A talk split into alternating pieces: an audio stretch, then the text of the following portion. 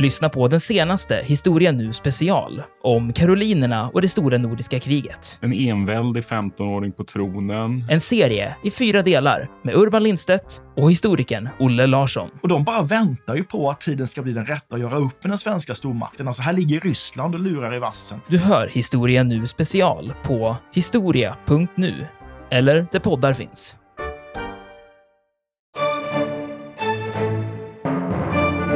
Där sitter då organisatören Lorden i Downton Abbey, Highclere Castle, Ja. och, och eh, ger då Howard Carter i uppdrag att försöka hitta den sista oupptäckta faraonen. Då har man dammsugit konungarnas dal efter faraoner i decennier, men missat Tutankhamon som man vet fanns. Och finner också mycket riktigt belägg. Jo, då det är det Tutankhamons sigill. Här finns han.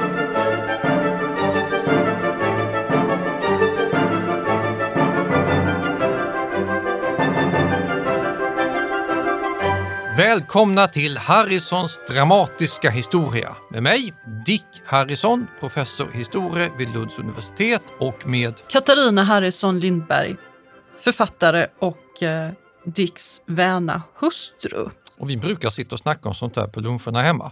Och eh, nu tycker man att vi ska göra det offentligt i en podd. Om alla möjliga historiska saker som vi tycker är kul och spännande. Och idag om individer i historien. Ja, jag ska säga, jag fick precis en fråga. Pratar ni verkligen om sådana här saker hemma? Pratar ni om historia hemma? Och, ja, men det är klart, det gör vi ju faktiskt. Och, Särskilt om den här gubben som vi tittar på ett foto på nu. ja, särskilt om Ramses den andre. Om ni nu inte vet hur han ser ut, så ni måste googla honom.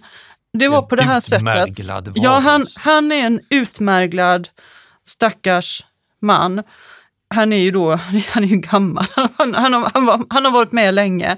Men det var faktiskt så här att när Vi hade en var... gemensam upplevelse Ja. som barn. Vi hade, vi hade en gemensam, det visste vi inte, men vi har faktiskt haft en gemensam upplevelse som barn. När jag var barn så jag var väl gans, en ganska introvert och svår unge egentligen. Jag hatade att gå på fritids. Jag gick där en halv termin i ettan och vantrivdes hela tiden. Jag tyckte det var hemskt med andra barn där. Så att jag fick ha en nyckel i ett snöre runt halsen och sen så gick jag hem på eftermiddagarna istället. Och när jag kom hem till det här, den här tomma villan i Oskarshamn Äppelgatan. på Äppelgatan och öppnade dörren och gick in och låste om mig så var det som om all världens problem föll från mina små barnaaxlar. Och sen lärde jag mig läsa där under de här ensamma timmarna på eftermiddagen och en av de böcker som jag frossade i, den hette Två miljoner år. Och den fanns hemma hos oss. Och den fanns hemma hos er också. Och jag fastnade framförallt för den här bilden på Ramses den andra. Jag kunde titta på den. Jag tittade nog på den nästan varje eftermiddag faktiskt. Jag är väldigt präglad på den bilden. Det är så en mumie ska se ut. Alltså upplindad mumie som man verkligen kan stirra på. Ja. Med hår och allt och hud. Han var avbildad där i profil och eh, han har en liksom kortklippt frisyr som är lite rufsig i nacken. Och så ser han ju väldigt avtärd ut för att han är ju, han är ju avtärd helt enkelt. Han är väldigt mager. Men huden ligger kvar på honom. Med tanke på att han är 3200 år gammal minst på bilden så har han ändå hållit sig ganska väl tycker jag. Och du tittade också på honom? Ja, det är svårt att låta bli. Sen har vi gått och kollat in honom öga mot öga. Ja, för vi har ju faktiskt varit i Kairo och varit på det här museet. Nu har de ändrat så nu har de Ja, det flyttat ska bli mumien. ett nytt speciellt mumiemuseum, men han ligger ju där, man kan se honom. Så vi- Ramses på riktigt. Ja, vi har sett honom live också. Vi och väldigt många andra turister ska väl sägas. Det var lite läskigt på det där Mumiemuseet har jag för mig. Ja, han är ju då, eftersom vi är så många som har präglats på Ramses den andra så kan man gott säga att han är lite av förhistoriens ansikte, bokstavligt talat. Mycket på grund av att han kommer från Egypten, där man har en gravläggningspraxis med balsamering, omsorgsfull och skicklig sån och ett torrt ökenklimat som gör att mycket bevaras. Och då har man Ramses och en hel del andra gamla faraoner och deras hustrur som man kan titta på.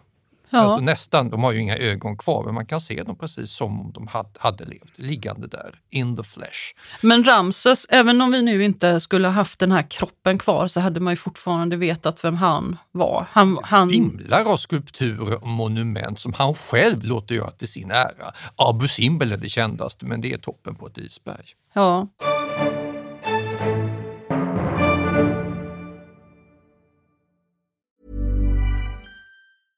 Cool fact a crocodile can't stick out its tongue. Also, you can get health insurance for a month or just under a year in some states. United Healthcare short term insurance plans, underwritten by Golden Rule Insurance Company, offer flexible, budget friendly coverage for you. Learn more at uh1.com. I'm Sandra, and I'm just the professional your small business was looking for. But you didn't hire me because you didn't use LinkedIn jobs. LinkedIn has professionals you can't find anywhere else, including those who aren't actively looking for a new job but might be open to the perfect role, like me.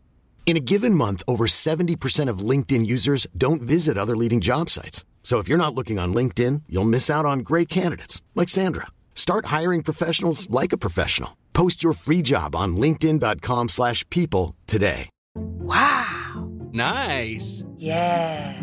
What you're hearing are the sounds of people everywhere putting on Bombas socks, underwear, and t-shirts made from absurdly soft materials that feel like plush clouds. Yeah, that plush. And the best part? For every item you purchase, Bombas donates another to someone facing homelessness. Bombas. Big comfort for everyone. Go to bombas.com slash ACAST and use code ACAST for 20% off your first purchase. That's bombas.com slash ACAST. Code ACAST.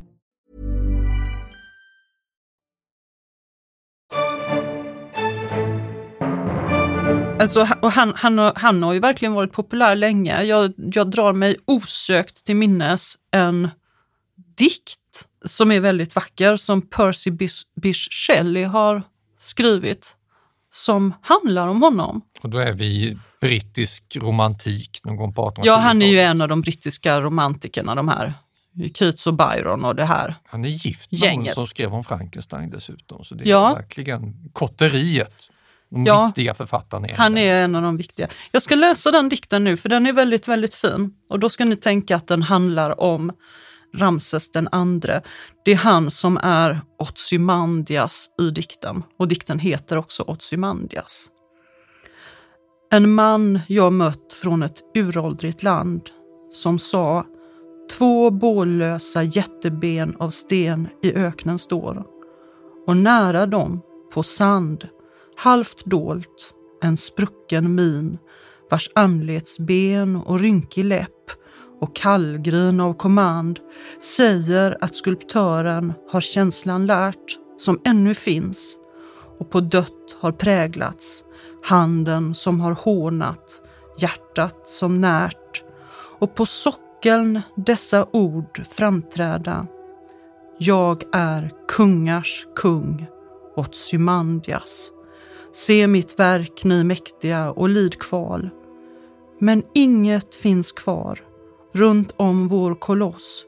Nu en fallen ruin, gränslös och kal sträcker sig öknen mot fjärran från oss.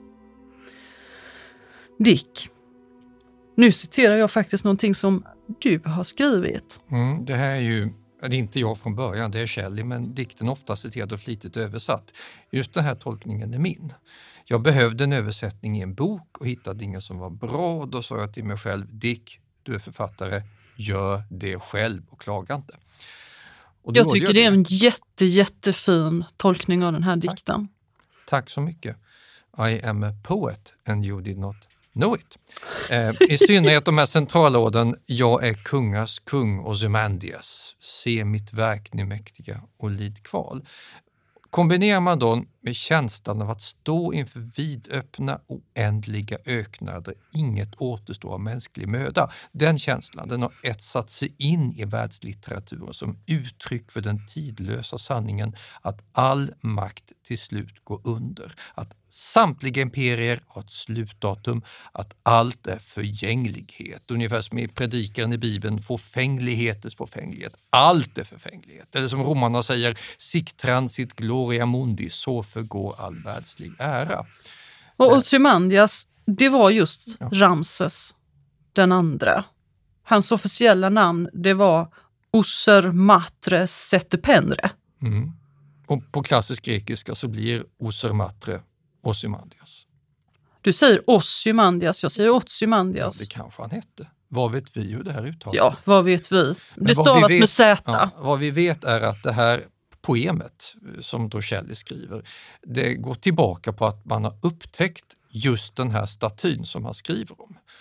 Av Ramses den andre. Man har hittat den och bestämt sig för att transportera den till London dit den ännu inte har anlänt när han skriver det här. Den kommer till British Museum 1821 och där kan vem som helst gå in, gratis inträde och titta på den. Vilket vi har gjort, vi och miljoner andra. Så det här är alltså en känd skulptur som man då i England under romantikens tid tolkade som ett praktexempel på att ja, Ramses, han ville verkligen visa hur stor han var. Men ingenting återstår. Allt går under. Och det roliga är ju att Shelley har helt fel. Han bidrar själv till att göra Ramses den andre odödlig. Och tittar man sen på alla andra kolossalstatyer och minnesmärken och reliefer som Ramses har efterlämnat så kan man finna att han lyckades ju utomordentligt bra med att bevara minnet av sig själv. Hela Ja. syftet med resan här monumenten var ju att jag ska bli ihågkommen som världens största kung. Ja, och jag han tänker- lyckades. Om man ska tänka sig en, en farao från Egypten så tänker man man kanske tänker på Tutankhamon, han är ju också en sån som är jättekänd. Vi kommer prata Kanske om honom, honom kanske lite. senare. Eh, och så tänker man på Ramses den andre. Och så tänker man kanske på Kleopatra. Som vi definitivt kommer in på Ja, men därefter så är det ju lite grann att man får ha lite specialkunskaper kanske för att man ska ha koll på dem, eller vad säger du? Ja, utan tvekan. Och Ramses han letas in i den här Prince of Egypt som vi talade om innan med Mose. Där kapplöpte han med Ramses och han känner, de känner varandra. Så han, han kommer in även i sammanhang där förmodligen inte har att göra. För han är en kändis på grund av sin egen formidabla aktivitet för att skapa kändisskap om sig själv. Vilket nu Shelley och jag har hjälpt till med. Så är det i Egypten. Vi kan komma kusligt nära den här individen, hans självbild, hans skryt, hans byggnadsiver och honom själv in the flesh. Och så Ja. är det inte riktigt så. vi Nej, stannar i vi har ju inte någon Ramses på våra breddgrader. Vi hade ju inget skriftspråk under den här tiden, så att eh, våra döda som man, för man kan ju hitta döda människor även i svensk mylla, men eh, vi har inget namn på dem. Eh, inte, inte när de är så här, så här gamla. Så att vi, får ju, vi ger dem ju fiktiva namn efter fyndplatsen. Vi har Barumkvinnan till exempel. Eller din favorit Bockstensmannen. Eller. Bockstensmannen. Katarina är alltså expert på vampyrer i svensk folktro, bland mycket annat hon är expert på. Bockstensmannen det är ju en favorit i sammanhanget. Men han levde för sent för att kunna vara med i det här programmet. Ja, det gjorde han. Vi kanske kan återkomma till Bockstensmannen någon gång längre fram. Men, eh, så, men fyndplatser får gärna ge namn och sen om, om det kanske är så att man har hittat något speciellt i en grav så, så kan man vi kom, hallonflickan till exempel som Ja, hade ätit hallon och så. Tycker vi börjar med Barumkvinnan för hon är äldst.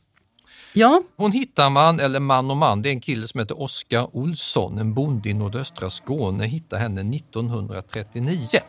Han är på väg för att röja väg för sina kor så att de lättare kan ta sig fram till en sjö. Och när han då håller på och gräver och röjer hittar han ett skelett sittande i en grop med stenlagd botten och tillkallar experter. Då får man ju tänka att hittar man ett skelett nedgrävt så kan det vara ett mordoffer. Alltså experter, polis och andra måste dit. Folke Hansen vid Lunds universitet analyserar det här och finner, vilket visar sig vara helt felaktigt, att det här är en kortväxt man i 40-årsåldern, dryga 40-årsåldern. Och han baserar det här på att man hittar en flintäggpil, alltså en pil gjord av flinta och en rörbensmejsel. Och då tänker Folke Hansen att det här är en fiskare från stenåldern. Vad ska han annars med de här eh, verktygen och vapnen till? och fiskare måste ju vara män. Naturligtvis, typisk man. Sen på 70-talet hittar man att den här mannen har hunnit föda några barn innan han dör i 30-40-årsåldern. Blygdbenet benämningen spår, bär spår efter förlossningar. Det var bra jobbat. Ja, och då får han ju byta kön och bli en hon istället och hon ska då ha dött cirka 6 800 f.Kr. Vilket gör Barumkvinnan till Sveriges äldsta individ som är bevarad i form av ett skelett.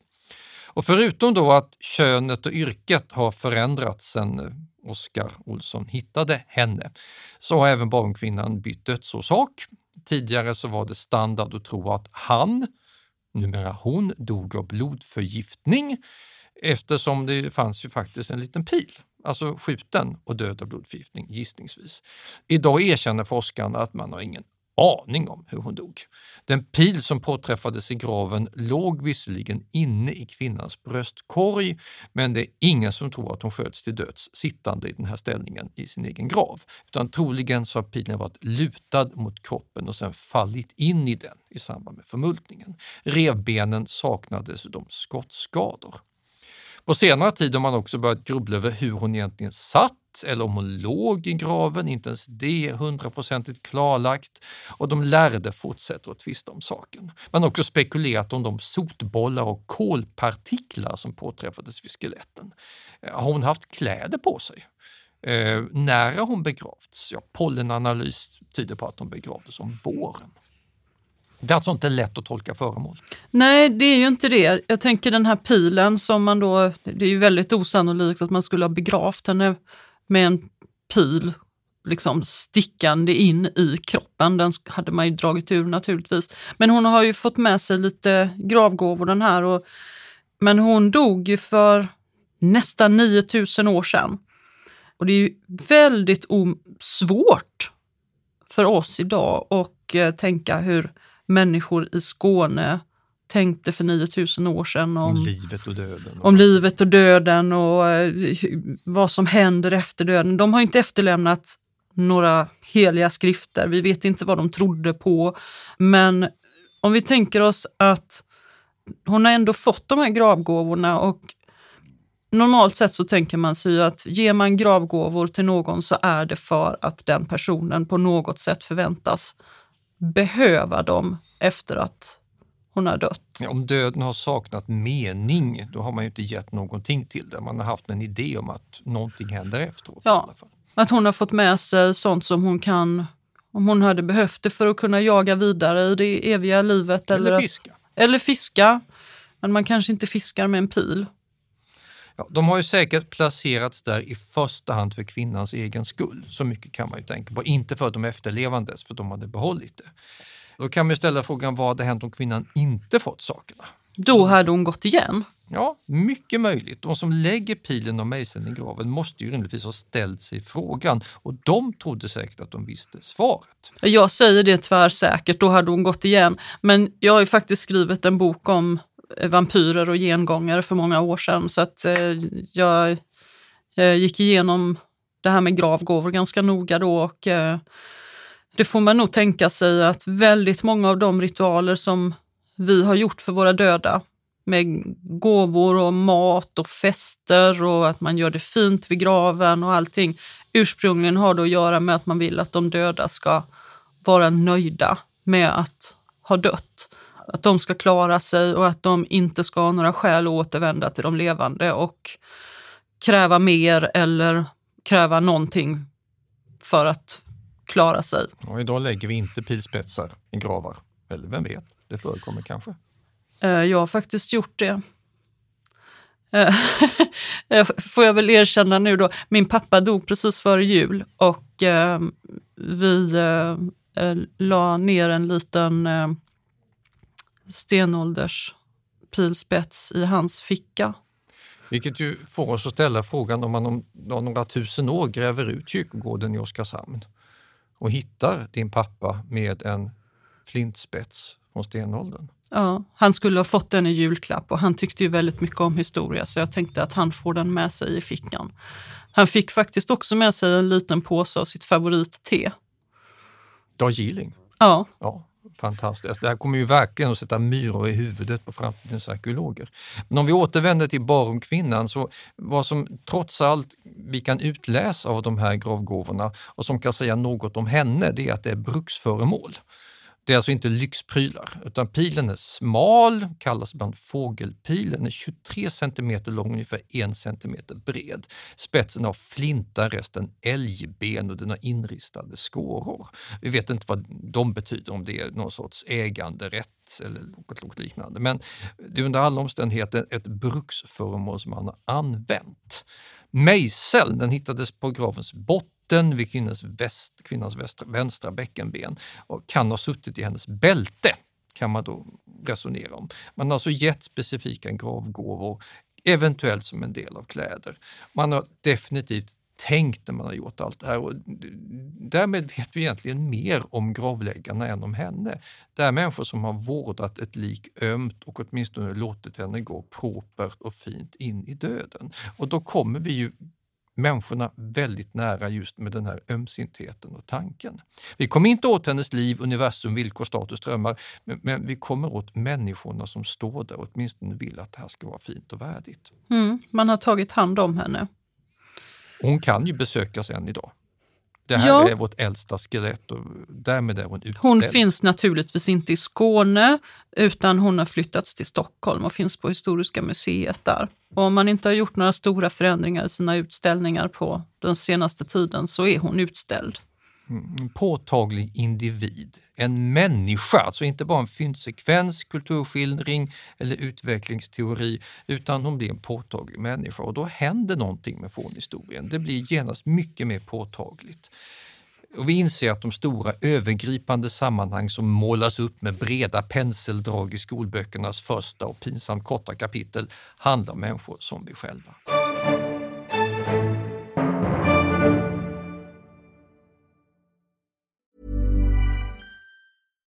Here's a cool fact a crocodile can't stick out its tongue.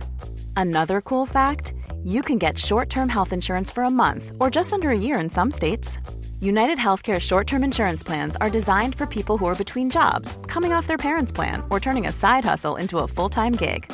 Underwritten by Golden Rule Insurance Company, they offer flexible, budget friendly coverage with access to a nationwide network of doctors and hospitals. Get more cool facts about United Healthcare short term plans at uh1.com. Hey, I'm Ryan Reynolds. Recently, I asked Mint Mobile's legal team if big wireless companies are allowed to raise prices due to inflation. They said yes. And then when I asked if raising prices technically violates those onerous two year contracts, they said, What the f are you talking about, you insane Hollywood ass? F- So to recap, we're cutting the price of Mint Unlimited from $30 a month to just $15 a month. Give it a try at mintmobile.com slash switch. $45 upfront for three months plus taxes and fees. Promo rate for new customers for limited time. Unlimited more than 40 gigabytes per month. Slows. Full terms at mintmobile.com. Many of us have those stubborn pounds that seem impossible to lose, no matter how good we eat or how hard we work out. My solution is PlushCare.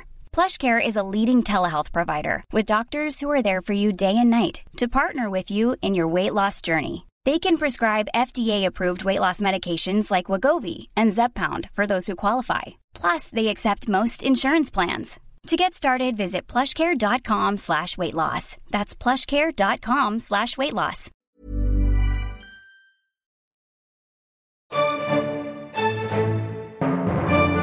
Det är så att eh, Barumkvinnan, Hon är inte den enda gamla nej hon är ju inte alls den enda.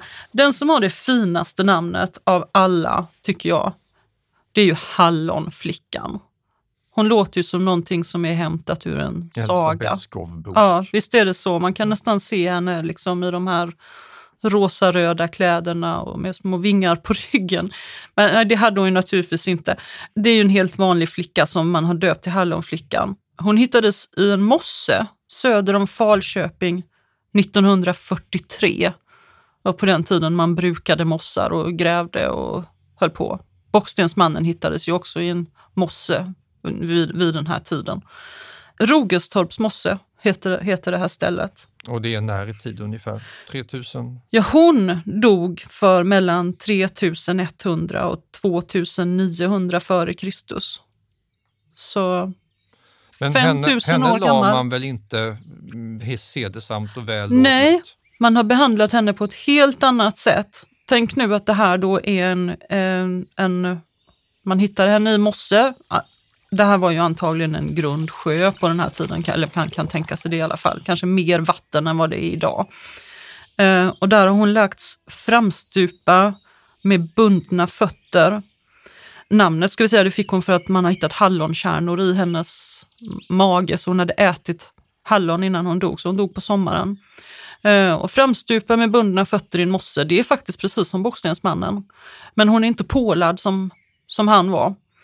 Men hon har ju eh, råkat ut för ett eh, mycket värre öde än vad Barumkvinnan gjorde. Hon, är ju, hon kan vara offrad eller hon kan ha begravts här för att man verkligen har velat bli av med henne på något sätt. Hon kan vara offrad, ett människooffer. Det är ju kusligt, men väldigt vanligt i äldre tid. Vi har en eh, manlig motsvarighet till henne eh, som man kallar Granhammarsmannen. Han hittar man i en åker nära Granhammar i Uppland lite senare, 1953. Han har flera vardagsredskap med sig i döden och döden tycks varit väldigt våldsam. Så vitt vi vet så har han blivit ihjälhuggen med yxa och sen sjunkit ner till bottnen i en fjärd. Och tack vare landhöjningen så ligger den här platsen idag över vattenytan. Och, eh, hans liv går att rekonstruera i detalj och det har Jonathan Lindström gjort också i en bok. Och då finner man att han föddes omkring 870 f.Kr. söder om östra Mellansverige och sen tycks han ha flyttat till Skåne, bott någonstans i östra Skåne innan han återvände norrut och mördas, för det här är säkert ett mord, inte ett offer utan mord, omkring 820 f.Kr. Så om Hallonflickan är vårt äldsta kända människooffer så är Granhammarsmannen vårt äldsta kända mordoffer. Och alla sådana här exempel visar då på en vilja från vår sida att skapa verkliga gestalter, individualisera det fjärran och det svårpåtagliga förflutna. Och då kan vi sträcka oss bokstavligt talat hur långt tillbaka som helst för att finna någon sorts individ att knyta an till.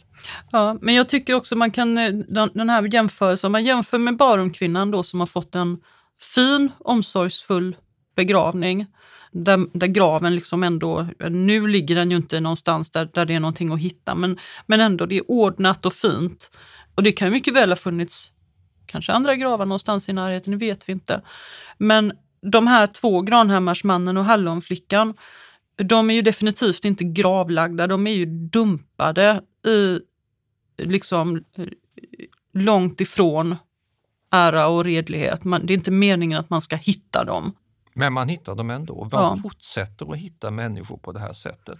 Och ofta blir det ju så att de som är dumpade i mossar, det är de vi känner till bäst. De blir ju välbevarade där. Blir välbevarad.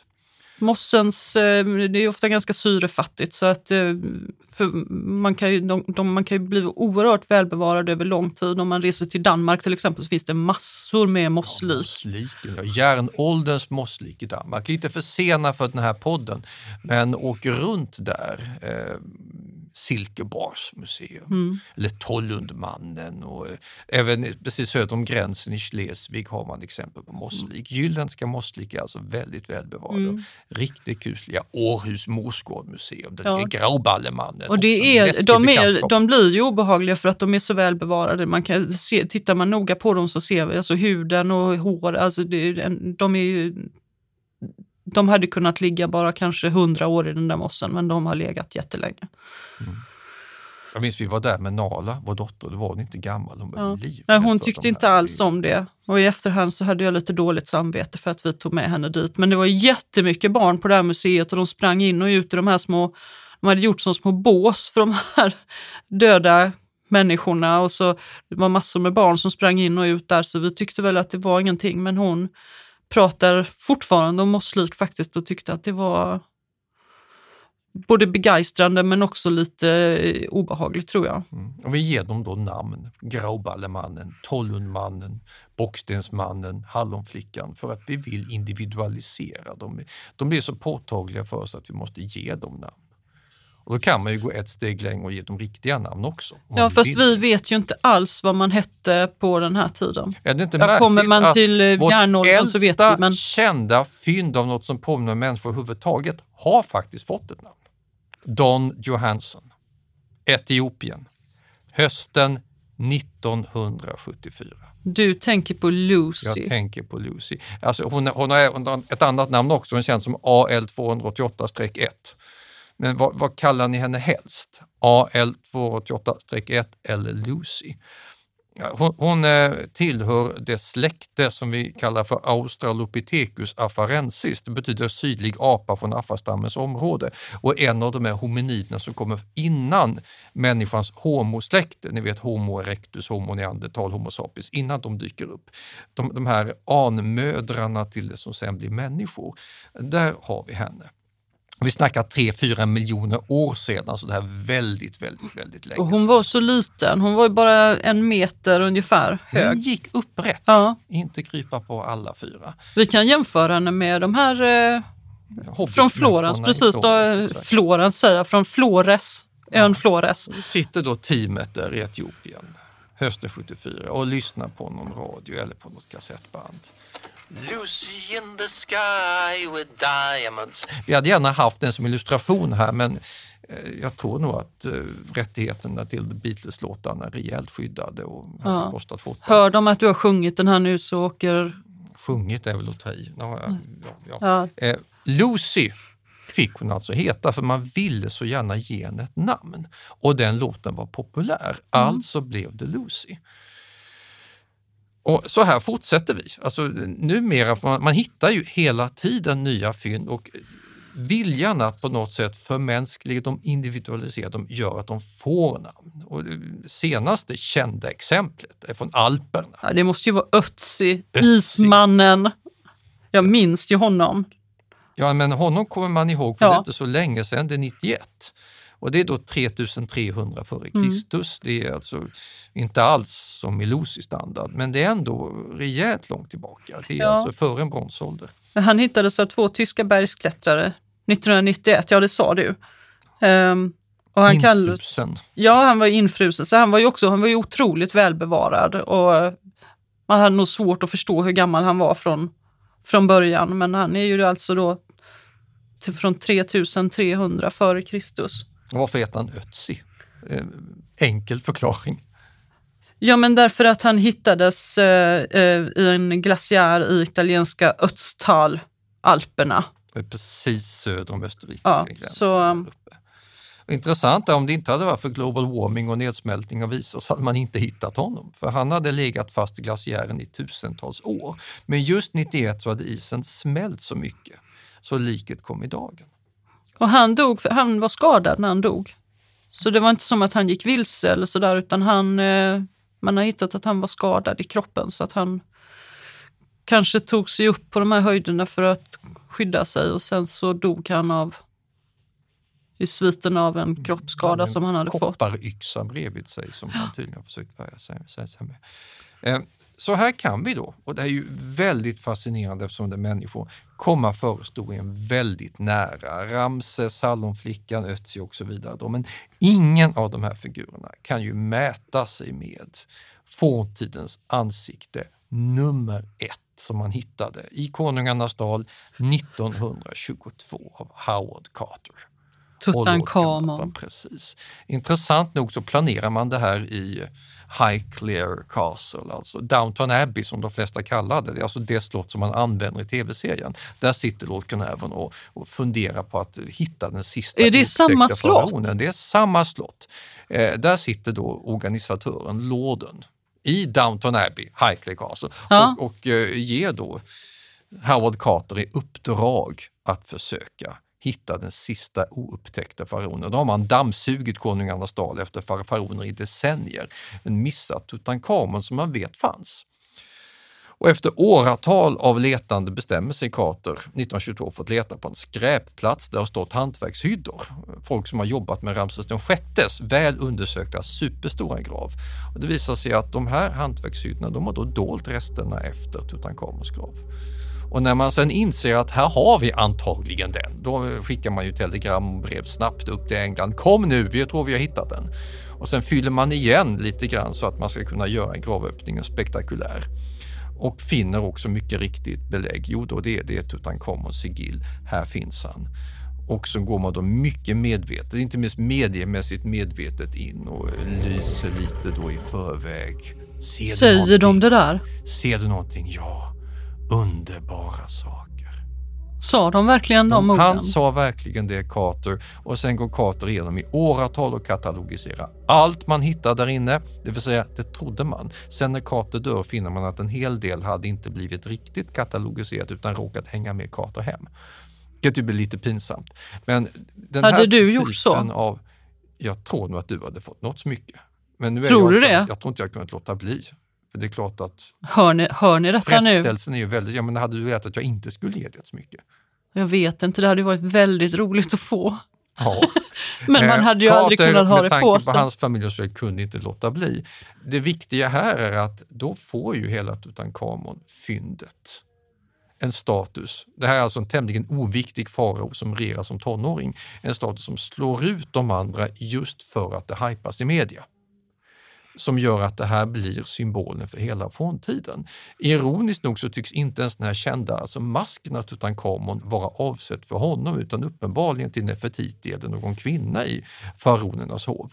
Men återanvändes för att man snabbt måste ordna en begravning av honom. Och på grund av sådana här slumpmässiga sammanträffanden Alltså hantverkare hade dolt nedgången, graven råkade därför vara oplundrad. De hade alltså slagit läger ovanpå hans ingång. Ja, exakt. I, det hade man gjort redan då på 1100-talet, 1200-talet före Kristus. Så, så det här var alltså dolt redan då. Men betyder det, då visste man inte att den låg där då heller? Eller Nej, struntade det var man bara i det? liten grav. Meningen var att Tutankhamon skulle begravas en helt annanstans, nämligen i Akhenatens nya huvudstad i Tell Amarna. Där hade man gjort i ordning gravar.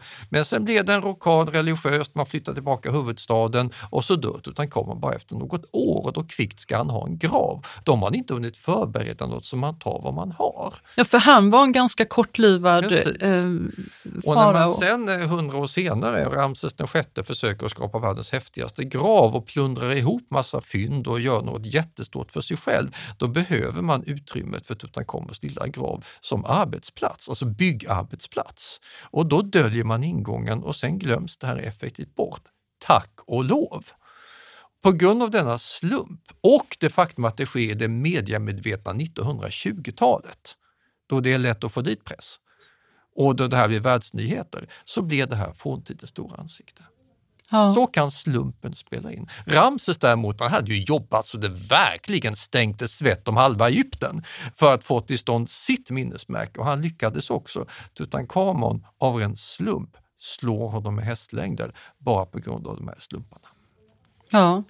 Intressant är ju att allt det här är nutid. Tutankhamon upptäcks 22, Barnkvinnan 39, Hallonflickan 1943, Granhammars 53, Lucy upptäcker man 1974, Ötzi 91.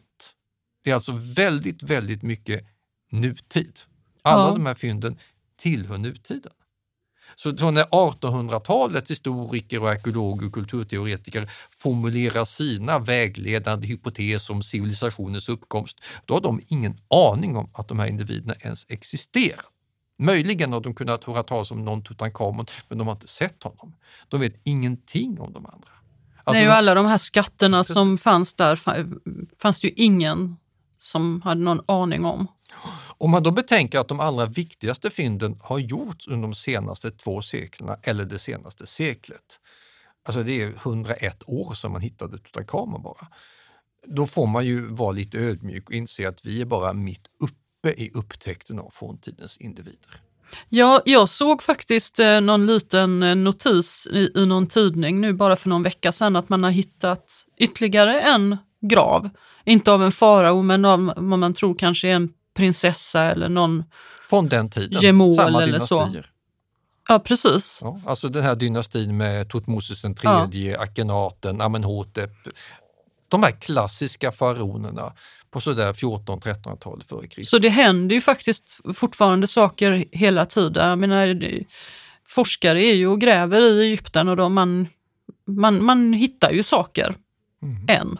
Så än en gång, forskning pågår, vi är bara i början. Ja, tack för oss. Nu har ni fått höra om individer i forntiden. Och vi har kommit in lite på Sverige. Ja, Och äntligen. Och det har blivit mer personer. Det blir mer kött, köttigt ju längre fram i tiden vi kommer. Och mer eh, nära. Tutankhamon i all ära, men vi har faktiskt Hallonflickan och Baromkvinnan. Ja, banne mig, det har vi. Och nu tänker vi de kommande två poddavsnitten hålla oss kvar vid Sverige och ta lite highlights. Först stenålder och sen bronsålder. Om man nu vill ut och verkligen grotta ner sig i vår förhistoria, vart bör man helst åka? Mm. Mer om det i nästa podd. Tack för idag.